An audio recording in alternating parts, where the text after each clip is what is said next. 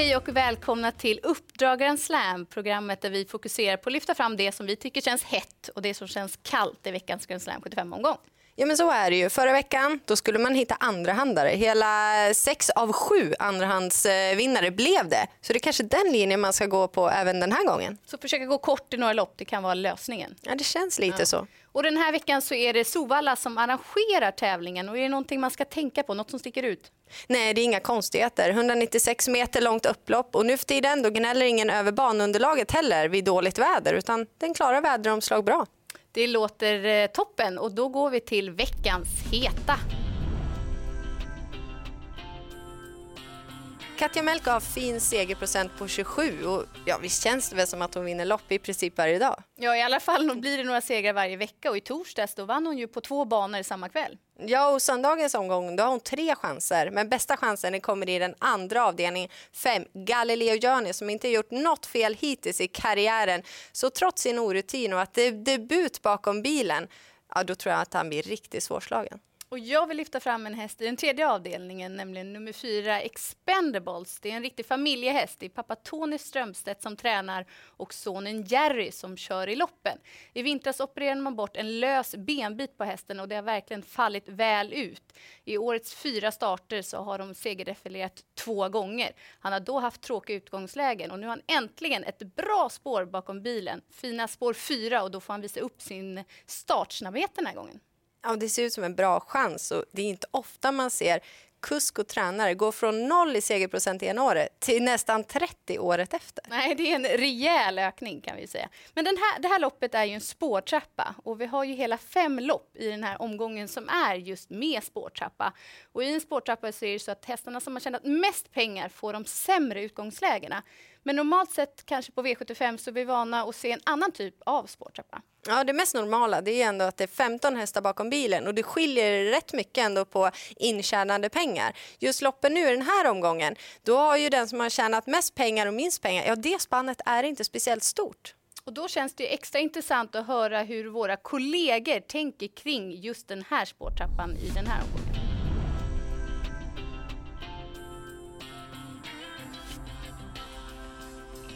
I trappor springer man inte utan man tar det lugnt och det kommer göra att den i ledningen kommer att ha en fördel. Så hitta ledaren, spika den om den är bra. Lycka till!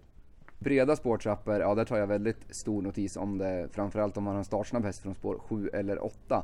Men när det är tajta spårtrappor som nu, nej då spelar det inte så stor roll för mig. Då ser jag det precis som vilket lopp som helst. Normalt sett tänker jag jättemycket på hästarna 7 och 8 om de är startsnabba. Det kan ju vara att de står superbra in i spårtrappan.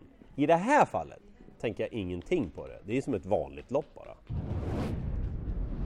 Det var ju ungefär så vi resonerade innan också, Jennifer. Ja, men den här gången behöver man inte bry sig om egentligen att det är spårtrappelopp. Fjärde avdelningen, då är det inte någon bilstart, då är det voltstart. Men jag vill prata om nummer ett, Commander Victory, som imponerade på mig senast genom ett starkt slutvarv. Den långa distansen passar bra och eh, nu blir det barfota fram för första gången. Och det skadar ju inte heller att tränare Christer Otterström har dubblat segerprocenten gentemot fjolåret. Nej, men det är alltid bra att ha med sig ju. Förra veckan trodde vi på Reimerkungen och han gick ut och vann på Grand Slam 75. Har du lösningen även denna vecka i kallblodsloppet? Den här är inte lika klar, men ett Vollanfax då i den femte avdelningen mötte ju eh, Reimerkungen senast, var tvåa då på bra sätt bakom och framförallt så gick han felfritt. Det har ju inte hört till vanligheterna på slutet, men från det här läget så tror jag att han sköter sig och då kan han bli farlig trots att Persson har två fina kallblod med. Och går vi till den sjätte avdelningen så tror vi att Djokovic blir favorit, men jag tror att han kan få problem och vill istället lyfta fram nummer tre, Surprise Rose, som en tänkbar vinnare. Hon har två lopp i kroppen nu i Mika Fors regi och hon var riktigt bra senast. Då gick hon utvändigt om ledaren sista varvet och det var en riktigt bra häst där framme, Galileo Am. Så här med två lopp i kroppen, ja, då tror jag att det är riktigt toppform till söndagens start. Mm, då blir hon farlig.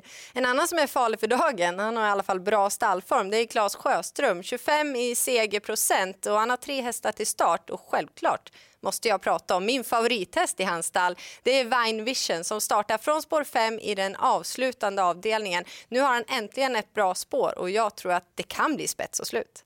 Och då går vi vidare till veckans kalla.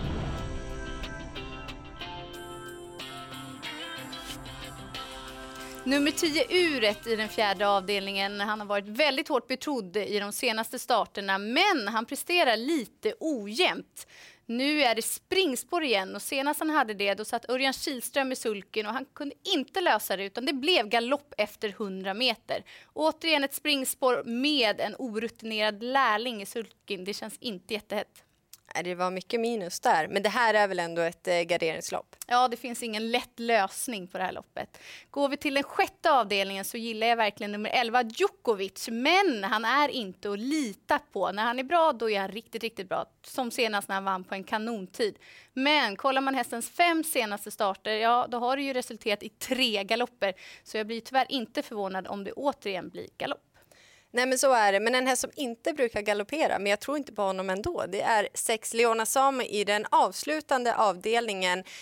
Visserligen så är han kanske lite ursäktad senast. Han fick en tuff inledning, men det är sämre utgångsläge den här gången så han riskerar vingel igen. Och framförallt så känns det som att toppformen är borta, så därför tror inte jag på honom den här gången. Lite hett och lite kallt har ni fått och vad tar du med dig inför omgången på Solvalla? Avslutningsvis, självklart så måste jag ju prata om Vision, nummer fem. Jag tror att Claes Sjöström har bra chans att ta hem det här loppet. Och om Djokovic gör bort sig med galopp i den sjätte avdelningen då tror jag att vinnaren är nummer tre Surprise Rose. Och så har vi väl ett eh, vinnande koncept att bjuda på va? Ja, men känslan är väl ändå att man kan gå kort i flera lopp. Eh, så blev det ju förra söndagen och känslan är att det är en sån omgång även den här gången. Mm, lycka till med Grand Slam 75-spelet och så ses vi nästa vecka igen.